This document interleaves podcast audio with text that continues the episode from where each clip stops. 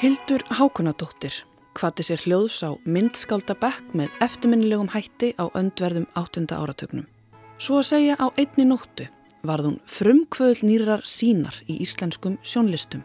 Hildi tókst það sem að engum listamanni hérlendis hafði lánast til þessa að samsama nýsbrotna pólitíska hugssjón aðvífandi ferskri mynd sín. Kvennfrælsi sparóttuverk hennar upp úr 1972 verða framvegist talin marka þáttaskil í íslenskri myndlist.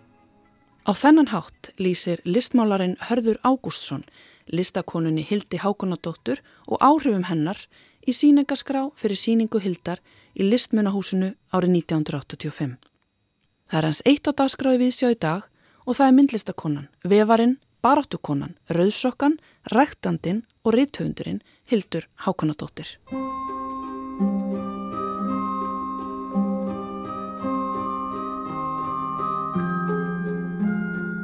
Ef þú ætlar að vefa eitthvað stykki þá þarftu að hafa svo óskaplega mikla fyrirheggju þú byrjar á þræðinum hvernig er hann og uppistöðinni og það er ákveðið samspil á meðlu uppistöð og ívafs.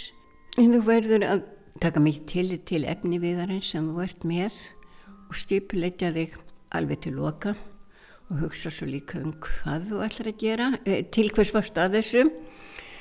Þú verður að hugsa heldarmyndina.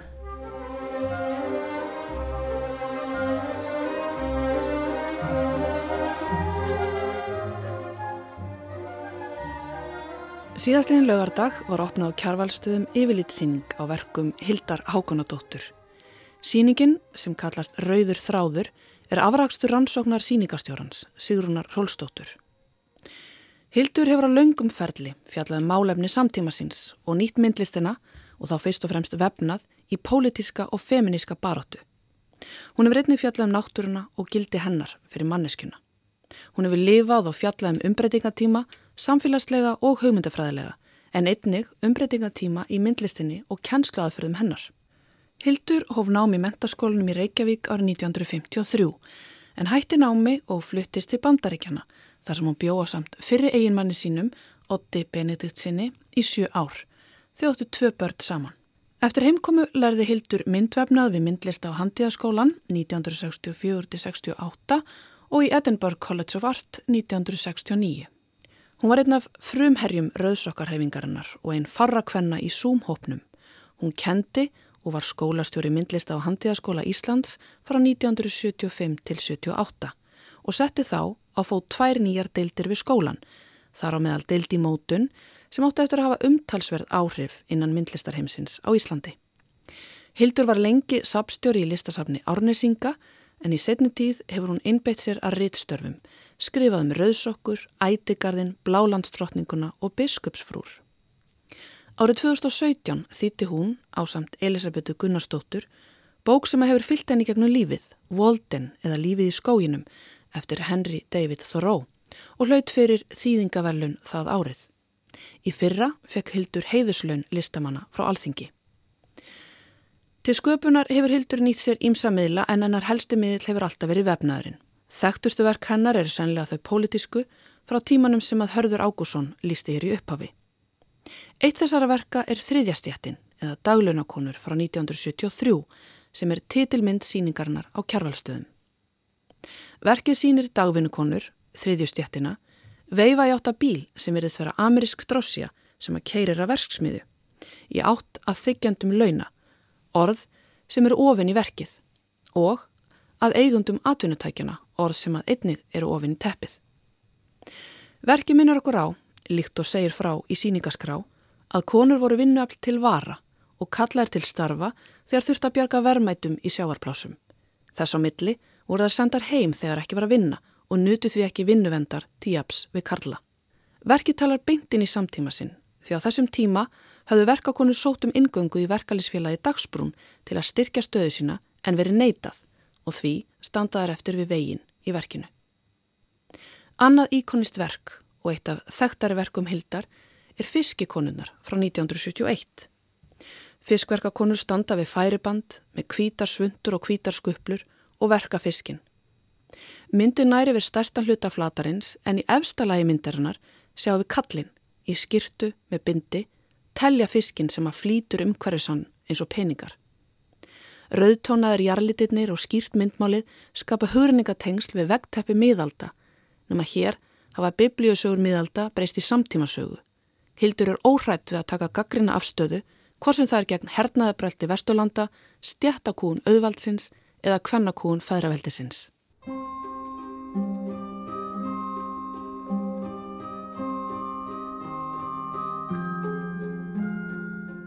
Hildur er fætt árið 1938 í Reykjavík og var alin upp við jaðar borgarinnar.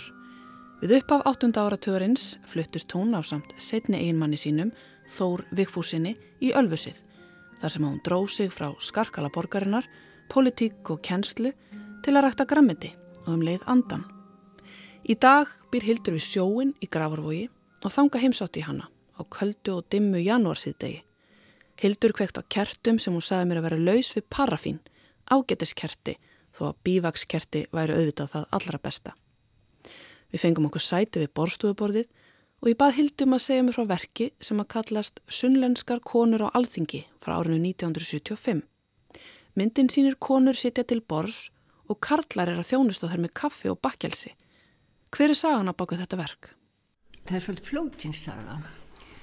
Einlega upphafið var það að Jónas Átnarsson, hann er þá þingmaður, þetta var hans hugmynd og ég kom svolítið illa fram við hann því að ég vildi ekki eiginlega gefa honum hlutdeild í hugmyndinni að mér fannst að taka frá konunum hann var óskaplega reyður við mig en hann vissi af því að það stóð til að hækka landbúnaðverð það er gert við og við.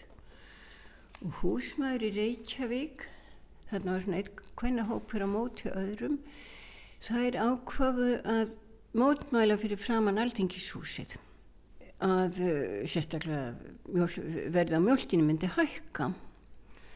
Og Jónas fekk þessa hugmynd hann hafði sambandi sunnlenskar konur, ég veit ekki hver, hver var baksagan þar, þar.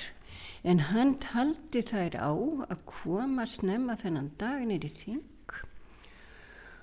og vera á þingpöllum og gera sig sjáanlegar sem, sem bændastjætt og við höfðum verið á rauðsokkunum töluvert að setja okkur inn í það var enda mörgum árum áður kjör bændakvenna í sveitum og þarna var ákveð tímabil þar sem það er eiginlega að lenda í tómarúmi vinna þeirra er ekki viðurkend og þær hafa engi réttin, þær hafa eitt stjættarfélag og valla eiginlega stöðu í samfélaginu. Þetta hefur breyst mjög mikið síðan. En þær, Jónas stipulegur þetta og ég kom eins og ég segi með saminskapit en þá ég kom svolítið illa fram við hann því að hann var mér ákvæmlega reyður fyrir því að hans yrði ekki getið þarna. Ég var hörð og maður stóði baráttunni þá og mér fannst að konurnar ættu bara að fá að njóta þessa sjálfar. En þessi perð þeirra var mjög árangursrík og myndin var gerð eins og það lístu þessu fyrir mér eftir að umræða var búin, ég mann og ekkert hvernig það fór. Þá var þeim bóðinir í kringluna í þar sem kaffistofan var þá. Og ég held að Lúði Jósefsson og Ágúst og Brúnarstöðun stóðu og eh, hérna færðu þeim kleinur og kaffi. Og þarna var sko hlutverkunum snúið svo gjörsamlega við því að þær höfðu allar sína æfi verið að baka kleinur og hitta kaffi og servir honi mm -hmm. stjórnmálamenn og, og aðra menn og þess vegna var mér svo nöðsynlegt að halda Jónasi fyrir utan þetta en ég er enn með samanskupið því hann átti hugmyndina Þetta er auðvitað alveg stórkuslegt verk að sjá þannig að konunnar sita til bors og kallarnar að þjónustöðar með kaffi og bakkelsi. Það er í þessum stíl sem að, að ennkennir verkin þín frá þessum tíma sem er þessi já, beinskipti pólitíski stíl. Þetta er svona plaggatastíl má segja það er sko, það er svo mikil saga í þessum verkum, það er auðvitað mikið myndmál, þetta eru hálfgerða myndasögur sem að vekja upp hugreiningatengst líka við íslensku vefverkin frá bara miðöldum, uh, vegteppin, litirnir og formin, en í þínum fyrstu verkum, áður en að þú ferði verið þetta, þá þau eru meira abstrakt, þau fjalla meira um form og liti, það er enga manneskjur, getur sagt mig frá þessu stökki frá því að láta liti og form tala yfir í að vefa svona hálgerðar myndasögur. Hvað orsaka þessa stílbreytingu? Það var alls ekki stökk. Heldur, sko ég byrja að vinna út frá því sem þá var hefðin, skulum við segja, því eftir stríðið verður listin ákálega abstrakt, kannski vegna þess að maður náttu bara erfitt með að horfast í augu við heiminn og hvað hafði í raun og verið skeð í stríðinu. Og það var, mannesti var horfin út úr myndverkum af verulegu leiti. Svo bara vaknar hjá mér, eða hún vaknar ekki sérstaklega hjá mér þegar það var reyfing á norður löndunum konurnar voru byrjuð að, byrjaður að vinna pólitísk verk í vef og þarna fyrirmynd mín var þarna hún Hanna Ruggen sem var e, sænsk en vann í Nóriði og var afkasta mikil vefkona og óvi gegnum stríðið. En það voru aðrar konur sem voru fannar að vinna með fréttamindir og annað og þú gæst, vefurinn var nýtt tæki til þess að vinna með og þú gæst sagt sögur í vef sem var ekki nokkuð lífandi leið að taka inn í málverkið mm. en þegar þú varst með annan miðil og svo var uh, náttúrulega það líka á þessum tíma að Óljumálverki var að fara að leita út úr rammanu hjá sér. Bara, það var þannig, það var orðið svolítið þreytt. Það var fara að velta fyrir sér svo mikil áferð og svona en ólju áferði er slett. En vefurinn kom og næstum því gerði sko grín, það var svo sterk áhrif og stemtileg og auðvelt. Hún, hún skapaðist það sjálfuð sér. Svo það var svolítið eins og næstum því eins og við væri til að grína oljumálvertina því þarna var þetta sjálf skapað Einmitt. En það var óskaplega erfitt að koma manneskjunni inn á myndflötin og ég held fyrst að þetta væri eitthvað persónlögt ég gæti ofið andlit, það var eindi vandi og líkamsluta þá var ég að vinna með þessum skýrtum og fötum. En að setja saman eina manneskju það var óskaplega erfitt og ég hefði ekki trúið þessum að Einar Hákunarsson sem kemur sko heim frá námu svíð og svipuleit og ég einhvern tíma fór ég að tala um þetta við hann og hann sagði nákvæmlega þessam og ég. Mm. áttu erfitt með að finna manneskjunni form á myndfletti og hann vann þá í oljumálverki en ég var þrjósk og á þessum tíma vorum við sko mjóður og grannar og löpu, vorum í svona rúlukraga peysum og svolítið útstæðum hérna e, buks, svona sjóarbuksum svolítið eins og Óla Prík. Og um, ég fór að horfa á þá sem að voru með fólk inn á myndfletinum svo var kannski söðrameristi málarar og um, estimáa konur eða innúíta konur maður segir ekki estimáa þegar bara eðlilegt þá. Mexikansk fólk það var svona einhvern veginn starra eins og það var í dúnúlpunnsvaldir það er bara feitlagnar en við svo ég fór að leita mér að formum og endaði upp í gangi á, landsbankanum þar sem að Kjærval hafði verið að teikna fyrstjíkonunnar og þarna satt ég í steganum og horfið á hann og hvernig hann notaði pilsin þeirra á saltfistin og þetta til þess að búa til form. Og svo fóru ég nýra á Granda. Og þú veist að nú ætlum ég bara að elda kjörvar og læra af honum. Og ég fekk að fara inn í sal að skissa og hafði nú sjálf verið í fyrsti, ekki lengi. Hafði ekki líkanlega börði til þess því það er ótrúlega erfitt að vinna í fyrsti.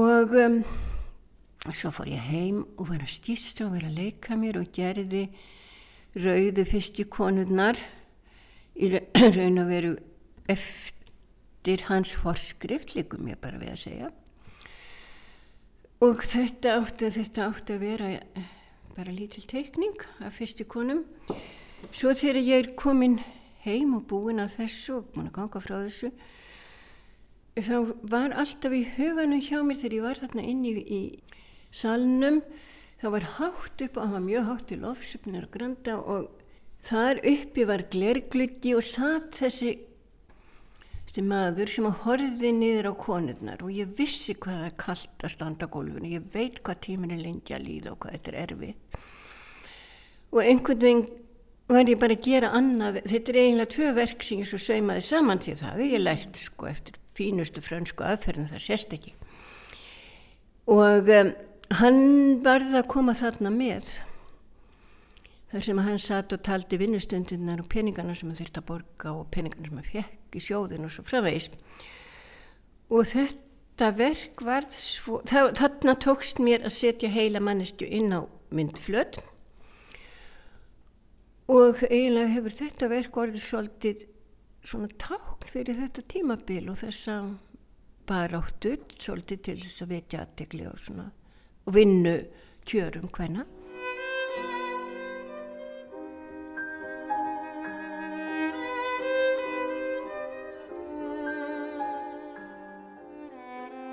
Hildur, þú ert fætt og upp alinn í Reykjavík en samt ekki inn í miðri borg. Þú ólst upp í Bjarkarlíð við bústaðveg sem er svona, já var þá allavega við bara út í aðar borgarinnar. Var þetta ekki dásalegu staður allast upp á? Sko móðin mín var með svona uh, uh, náttúru romantík og held að það væri ákala og holda að allast upp í gardi. Það má alveg deil um það því að ég raun og veru vilja krakka bara vera saman í boltaleik sko. Og þú veist þau sitja ekki og horfa á íhuga trían heldur við út, bara, út á göti bóltaleik en uh, ég er sko ekki bara að finja ég er kjellnask, ég er jæðarspann uh, og mann skammaði sem pínu líti fyrir það að vissa voru sko sumarbústaðir vestar á bústaðaveginu milli okkar og bæjarins. Það var svolítið já, við vorum virkilega svolítið út í sveit. Mm. en þetta að vera jæðarspöld þá ert á jæðrinum á tveimur heimum. Þú tilir ekki sveitinni og því það er djúbmenning og ekki borgamenningunni heldur. En getur verið færið inn í báða heima en átt ekki fyllilega heima í öðrum kvorun þeirra. Mm. En þetta er raunin eitthvað sem hefur fyllt þér út æfina vegna þess að ef ég hef lesið mér rétt til um þá hefur alltaf búið á jæðrunum, svona mestmagnis, er það ekki? Ég held ekki bara sko, ég bú á jæðrinum, ég held þessi ofta á jæðrinum á hugmyndaheimum líka, ekki mm -hmm. bara landfræðilega. Mm -hmm. Jú, jú, ég lendi sem að krakki, ég var eh, bassaðandi í mentaskóla og þá lendur strax í, í, í vissum þjóðfélagsjæðri, það er engi spurning. Mm -hmm. Og svo lendi ég, ég já, ég held að sem jáðarspart á leitaði ég í raun og verið meira út í sveit heldur en í borgina. Hún tókaði meira og þegar ég er rétt unglingur og maður eh, var að vaksa upp úr bæjarvinnunni og vinnunni í, í hérna skóratafélaginum þá reyði ég mig í kaupavinnu í austri Örafum sem voru þá ekki í Eh, það, það var ekki bílfært það verðum að fljúa og þá varstu komin inn í veröld sem að fól í sér marga svona innfældni kannski.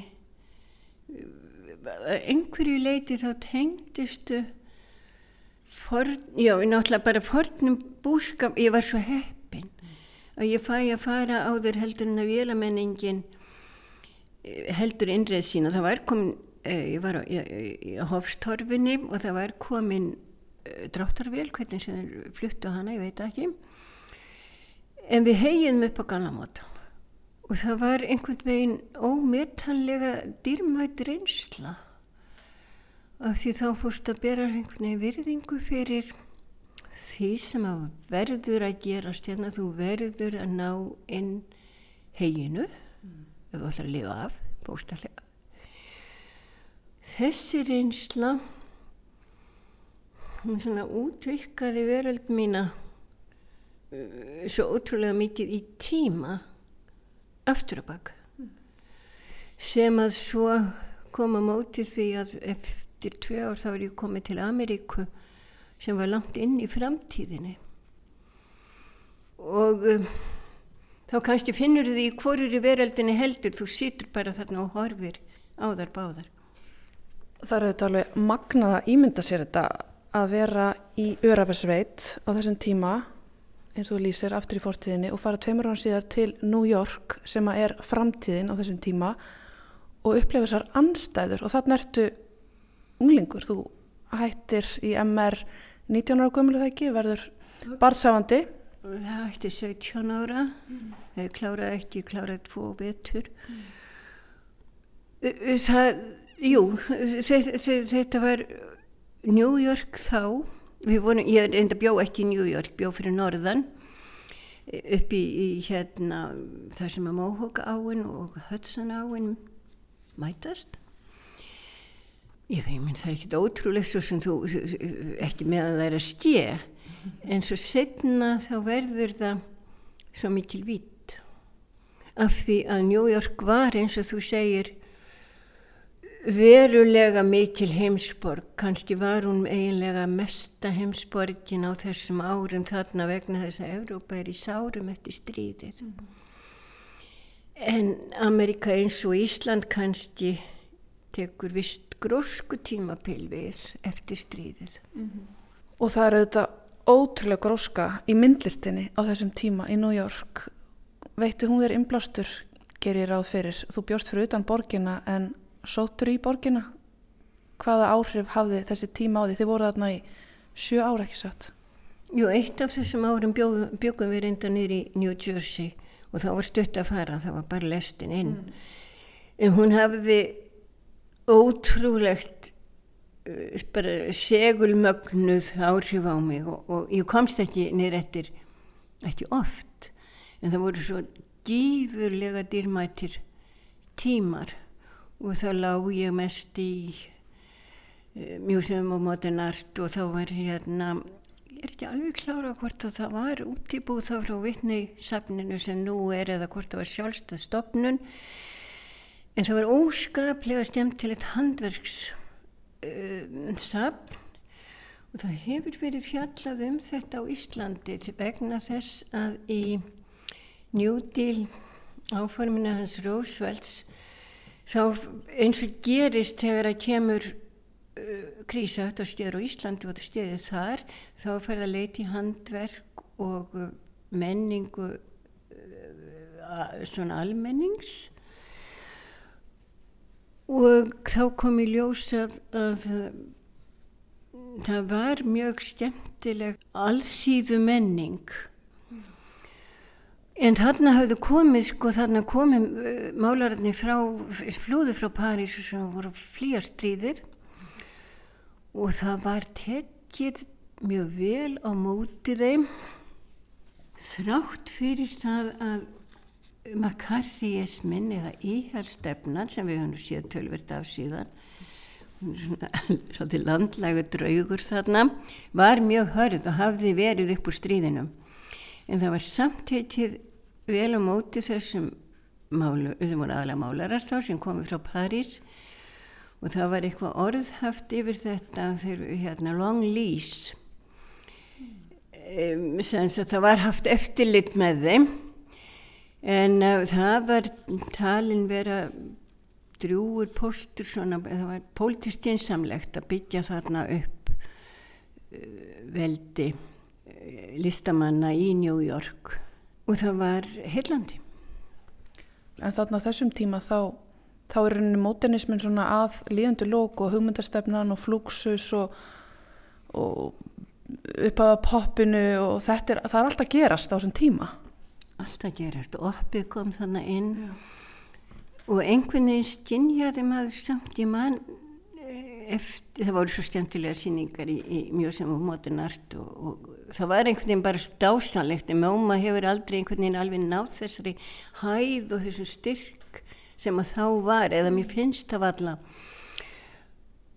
og ég man eftir að standa þarna og horfa á málverk eftir Jasper Jones hann sem stildi eftir penslana sko á, bara limdið á strygan og einhvern veginn vissir þú skinjaðir að þó þetta væri óskapleg sterk gróska þarna að samt var málverkið svolítið að syngja sinn svanasöng. En málverkið sko einangraði svo senuna þarna að ef þú sagðir artist þá þýtti að það varst málari. Mm. en þú fannst þetta samt. Þó, þó að þetta væri svona stert og svo var gaman ef maður fikk heimþrá þá var þau hafði keift einhvern málverka til Kjærval og þarna var um, Lúisa Mattiasdóttir átti þarna verk og Kjærval svo gæst hlaupið þangað upp sko, skoðaði og férst heimþrá eða eitthvað En talandum innblástur um þú tókst með þér eina bók til Ameríku sem verist hafa fylgtir út lífið. Segð mér frá Þoró Það er aftur kannski í aðarspanni þá komum við inn í þáveröld hann er svona heimsbyggingur hann er líka já, aðarspann þannig hann stendur á milli heima og hann er að reyna að átta sig á náttúrunni og það hefði ekki verið það sem að ég varð hugfangin af. Hann, hann langaði að skilja náttúruna. Hvað væri nöðsynlegt Man, hvað væri manninum nöðsynlegt það er kannski það sem að hann lagði með mesta áherslu á. Hann sagði sjálfur hann hefði byggt sér þennan kofa út við vatnið volden vegna þess að hann hefði viljað sjá vorið koma. Og þess vegna er ég með þessa fimmhyrninga þarna á síningunni því að hann talar svo mikið um hvernig ísin myndast á vatninu og hvernig ísin brotnar upp aftur. En leggur svo djúpa áherslu á það að við munum skilja grundvallar atriði lífsins og heimsins. Og hans boðskapur er sífælt bara það sem við þurfum að tilenga okkur og núna kannski meira heldur nokk tíma áður. Og svo var hann einlægur baráttum aður fyrir því að hætta þrælahaldi.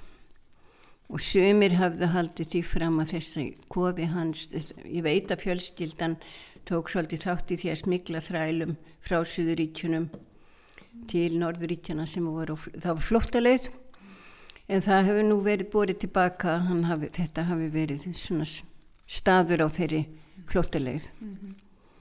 en þetta var til siðs sko þegar maður var krakki ef þú fórst til útlanda þá tókst alltaf með ljóðabók.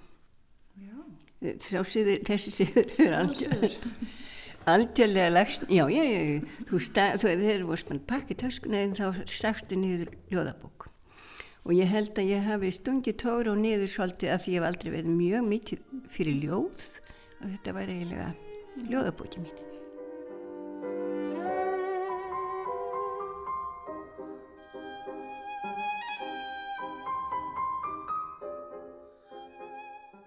Tölum aðeins um vefnað og þráðinn sjálfan. Þú lærðir vefnað við myndlista á Handiðaskólan 64 til 68 og um, á þessum árum þá þá má ég lega segja að sko margir taka upp þráðin sem einhvers konar tæki, andofstæki gegn uh, kannski kallagum gildum í, í, í listheiminum uh, var það ástæðan sem að þú velur vefnaðinn eða af hverju valdur þráðin og hvernig kom, kom hann til þín? Þú heyri hvað þú segði sjálf margir taka upp þráðin sko það er til eiginlega tvær aðferðir til að gera mynd. Annarkvært notur línu eða þú notur þráð. Og línan er abstrakt. Lína er ekki til. Mm -hmm. þú verður búana til þú teknar henn á pappir eða snjó eða hún mæn gerð en þráðurinn er þá þegar til þegar þú ferða notan svo ólíkt eðli. Uh -huh. og ég held að línan sé svolítið kallag, hún er abstrakt en þráðurinn er áþreifanlegur og við höfum haft hann á milli fingrana um ár þúsundir. Konur eru alltaf, ef, ef þú sér gamla kvikmyndi eða sögur sem á að hafa gerst í fortíðinni þá er konan alltaf að spinna. Þú þurftir alltaf að vera að búa til þráðinn og auðvitað þegar ég byrja að hugsa um vefna þá er ég ekki í þessum pælingum. Mm. þessi pæling kemur setna en mér þótti bara alltaf gaman að vinna mér þótti bara handa að vinna stjæmtileg mm -hmm. skóli var uppbyggður þannig að þú ert með tveikjára fornám og svo fórstu í sér deildir og þú gæst færði í vefnaði kennaradeildin en það var ekki það sem ég langaði að læra. Mér langaði að læra mynd vefnað.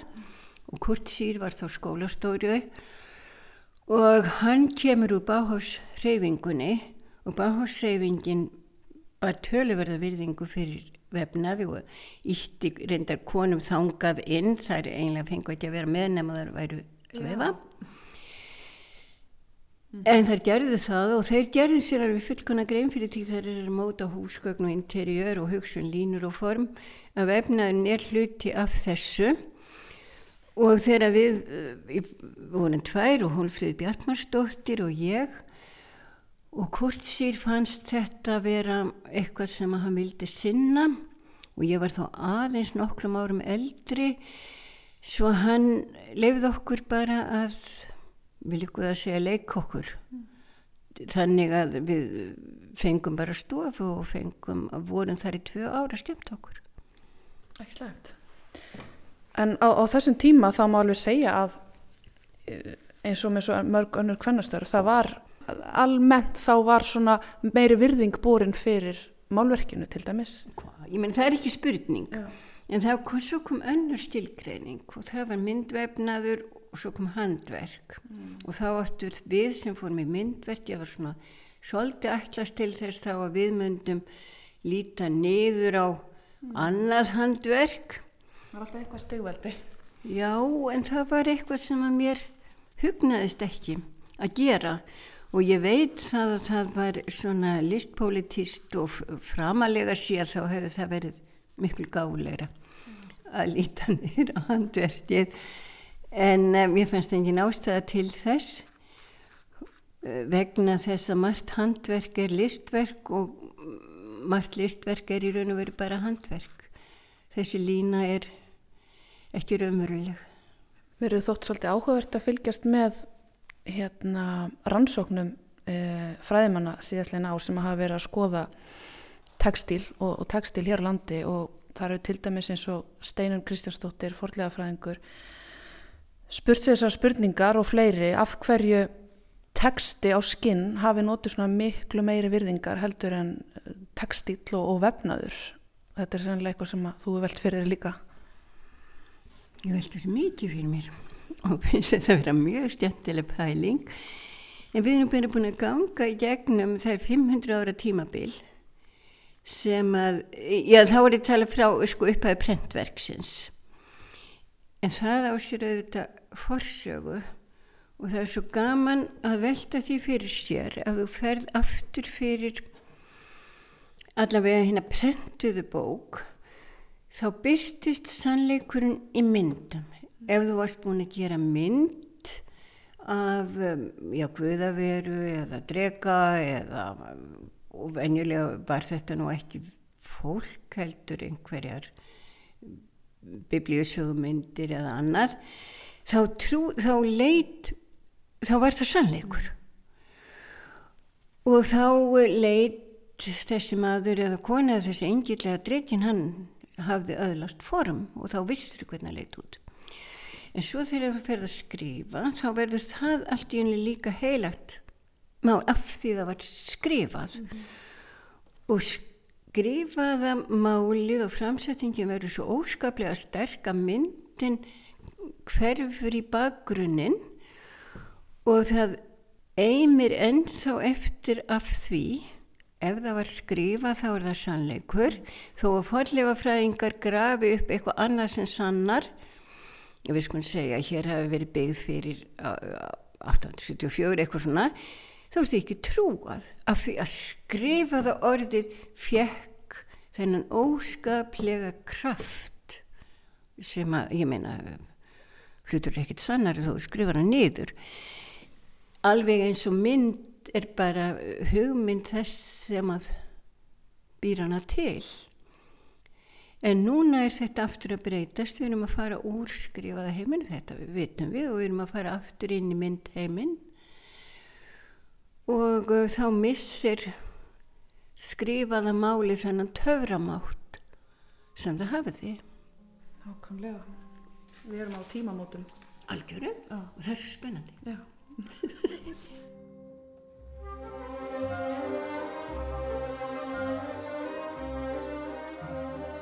Þú segir frá því í, í bókinni sem fylgir síningunni að þér hafið þótt þú hafa lært ansi fánýta hluti þér leið þannig þegar þú útskrifaðist en, en svo hafið fljótlega átt á því að svo sem kann að vefa kann að skipulegja fjöldarhefingu hvað áttu við með þessu?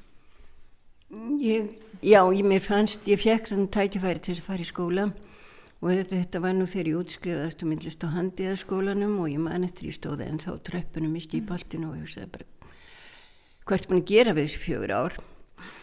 En þá áttaði ég mig ekki á því að við vorum að fara inn í mynd heim. Við vorum að fara inn í breyta tíma og það sem ég hafi lært að passaði alveg óskaplega vel inn í þá veröld sem við vorum að stefna í. Og líka þetta sem að ég reyndi að klára því setna þá tók ég uh, svona formlegt efnaðkennara próf og lærði svolítið meira á F-stólin af því ég var mm, meira í steinaldar aðferðum og þetta svona fingurum fram. En ef þú ætlar að vefa eitthvað stykki þá þarftu að hafa svo óskaplega mikla fyrirheggju þú byrjar á þræðinum ætlar að nota. Hvernig er hann og uppistöðunni? Og það er ákveðið samspil á milli uppistöð og ívafs. Og þú verður að taka mikið til til efni viðarins sem þú ert með og stipulegja þig alveg til loka og hugsa svo líka um hvað þú ætlar að gera, eh, til hvers varst að þessu. Og þetta er í raun og veru það sama sem þú þarft að gera þú ert að skipulegja hvort sem það er fyrirtæki eða mm. samgöngum með stöð það skiptir ekki máli, þú verður að hugsa heildarmyndina alveg frá þeim efni við sem þú hefur. Er það mannauki eða er það þráður eða sement eða skiptir ekki máli. Þú verður að hugsa hráefnið og svo hvað og koma út að lokum. Svo ég held að já, ég ætti bara að senda svona þessa spekulanta í vefnað. Ekki eh, vera bara í tölfunni læra að vefa fyrst. Kannski senda pólitíkur svona þangað. Ég er mjög, mjög holdt Þetta var allavega nýst, nýst þér og fleiri konum til að já, skipleggja byltingu. Hvernig var að taka þátt í rauðsokku reyfingunni? Hvernig var að vinna með konum að því að gera heiminn að betri stað? Ég tók þessa ákverðun annað, ef, ef ég ætlaði að vera með á annað borð þá ætlaði ég ekki að vera þetta fræga jáðarspann, ég ætlaði bara að henda mér inn í miðjuna inn í svoleiðis að ég kem þarna með alveg frá byrjun þá sagði ég, ég við skulum gera þetta stelpur en við skulum gera þetta á okkar máta.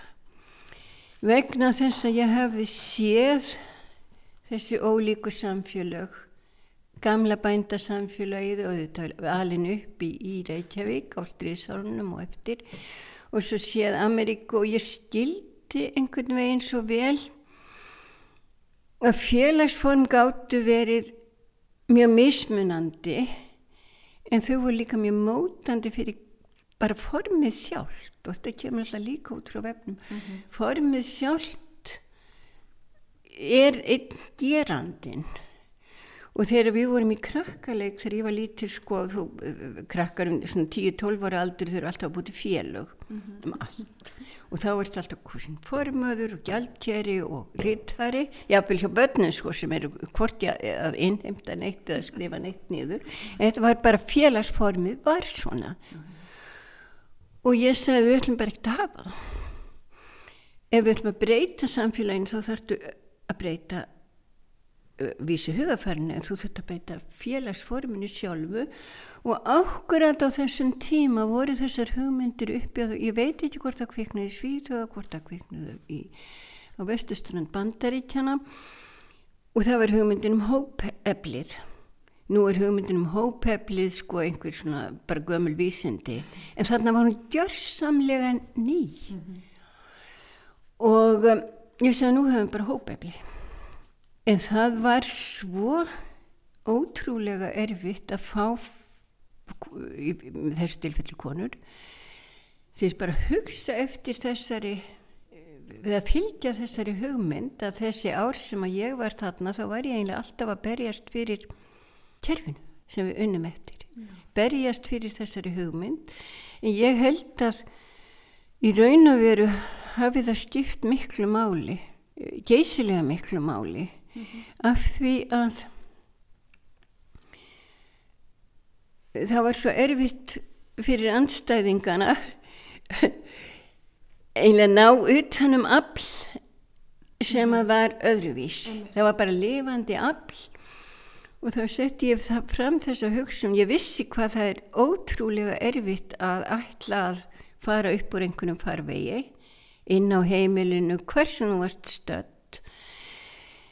Að maður geti verið rauðsokka þegar þú varst að vinna að þessu máli. Svo, svo tókstu þau bara kvilt þú þurftur ekki að vera rauðsokka dag og nótt. Þú þurftur ekki að vera rauðsokka sjö dag og vikunar af því það er alltaf erfitt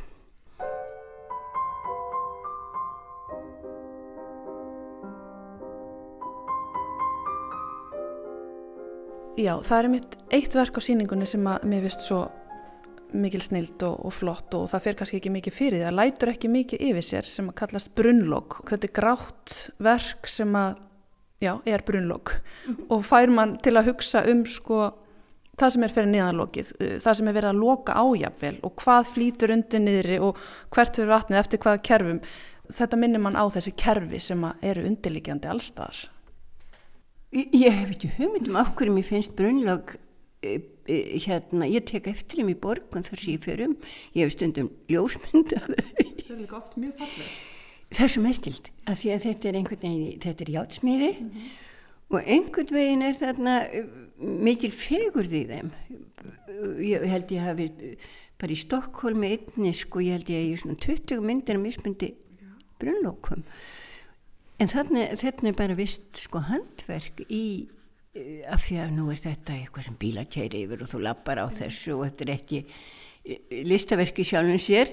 Þannig að ég bara sá þess að fegurð í hlutnum sjálfum sem að svo kannski leiti til þessa eh, sem þú varst að segja. Það þarna er lok á milli. Það er það, það við getum talað um undir meðvitunduna eða hvað sem að býr þarna niðri mm -hmm en allavega finnst mér þetta að vera fallegur ingangur af þeirri veröld.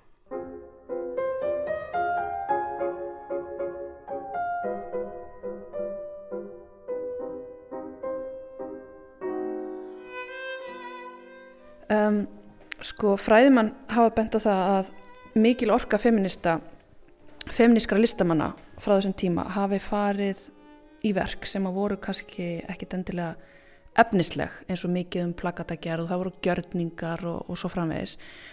Og, og að samaskapi að uh, þessi listamenn og kannski þú með talin hafið ekki sett mikinn fókus á framleiðslu verka. Já sko styrkurinn lág líka í því ef þú ætlar að mótmæla eitthvað þá þú verður að búið þú verður að móta nýjan farveg.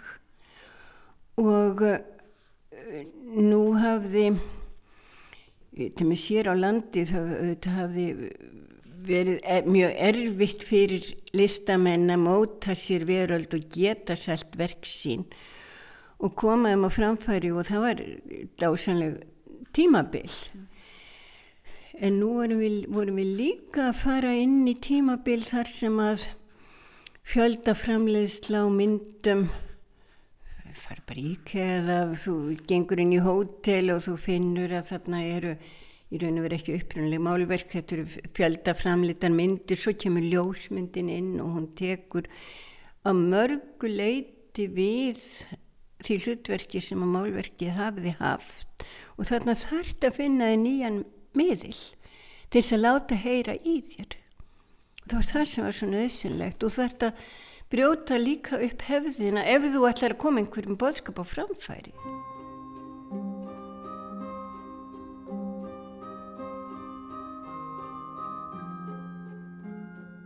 Hildur, uh, á áttunda áratögnum þá dregur þið bara úr pólitíkinni og, og kennslu eftir að hafa verið að stýra myndlistaskólanum og uh, hættir að kenna, hættir í pólitíkinni, farið að rækta garð og örgla sjálfa þig og heldur áfram að vefa.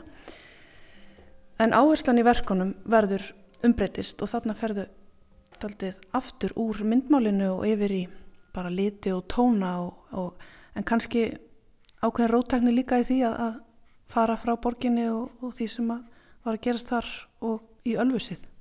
Jú, jú, það var, maður getur orðið svolítið þreyttur á því að vera svona í, hvernig ég var að segja, vissi andstöðu við umhverfið sitt og þá þarftu líka að taka þig kvilt frá því enda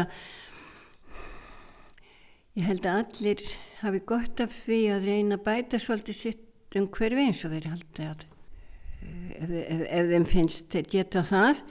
En þú þurft ekki að vera í því alltaf. Og það þurfa allir að taka það, ef við ætlum að breyta samfélagi þá þurfa allir hvort sem er að taka þátt í því og nú hafði aðri tekið við. Og við um, vorum í raun að veru bæði hjónin kannski þurftum að kvíla okkur frá átökum og það var óskaplega gaman að fara út á land. Og þá komu þessi áhrif hans Tóró hann eiginlega kom til mín á nýjanleik og það hafa mærti líst þessu þegar þeir fara úr borgarlífi út í sveit hvað það er gefandi að fá að vera með náttúrunni en þá fyrir það náttúrulega líka að velta fyrir þér eiginleika náttúrunnar og fika þig og skilja bara grunnformin grunnform tíman svo þá fyrir tímin líka að koma til þín af því þú lifir meira með árstíðunum. Sérstaklega úr þetta rækta þá ertu með tímanum allan tíman og mér fannst það óskaplega heillandi að velta fyrir sér hvernig og þarna detti ég kannski aftur inn í reynslu mín í örafunum hvernig var áður en þú hafið klukkuna tíman uh, fréttinnar þrísvara dag og þurftir að styðja þig við náttúruna sjálf og heim, gang heimintúlana og ástiðnar.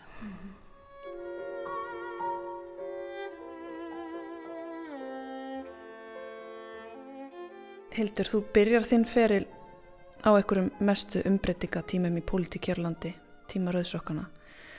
Og mér fannst það hansi merkilegt að lesa við gammalt viðtal frá þessum tíma eða reyndar það er frá 85, 12 síðar þar sem að þú ert að horfa aðeins tilbaka á kvennabaróttuna þá líkir henni við baróttu Gandhi þegar hann sendi indverðina niður á strönd til að berjast gegn salt einokuninni þeir voru barðið niður en kom alltaf aftur og aftur og aftur þar til að breytaðni loks gáðistu þú talar mér þessu viðtali að þessu sé eins fari með kvennabartuna að alltaf þurfi nýr hópur að sækja fram því alltaf komi ný baráttumál. Aftur og aftur og aftur. Það þarf að halda byltingunum við. Ertu ensam á simnis? Það var svolítið sem ég stildi ekki þá og ég stil núna að kallmaðurinn hefur svo örófi alltaf hann sko, ég stildi ekki þessu óskaplegu andstöðu sem við mættum. Og þá þurfti ég að velta henni fyrir mér. Þanga til það rannu fyrir mér að kallmaðurinn ég veit ekki hvað við erum búin að vera hérna í jörðinni lengi sem ég segja 5.000 ár það er 10 og það er halva miljón sko við veitum ekkert hvað við hefum verið hérna lengi. En hann hefur alltaf búið við þetta að það er einhver annar sem að kemur inn á hans landsvæði og ætlar að taka yfir. Og þegar við rýsum þarna upp og segjum að við viljum fá jafnbræði þá stil, stilur karlmaðurinn það bara eitthvað í frumunum. Hann stilur það sem beina árás. Og ætlum við að taka yfir. En það var aldrei hugsunin. Við viljum fá sérsagt sömu uh, bara félagslegur réttindi. En þegar ég stildi þetta, þetta var svo æfa, æfa fond í kallmennskunni að stilja svona árás sem ég bara fullkoman opistrið, næstum því að þá hérna, ég þá kannski undraðist ég en þá meira þennan árangur sem við þó náðum. Hvernig hefur þér þótt að fylgjast með þessum, já, þessum byltingum síðustu ára? Sko ég held að ef einhver þjóðfélagshópur misverðir annan hóp þá, í þessu tilfelli ef að kallmenn misverða hvem fólk þá misverða þeir líka aðra kallmenn inn í sínum hópi þeir raða þessu uppi í ákveðu valdakerfi.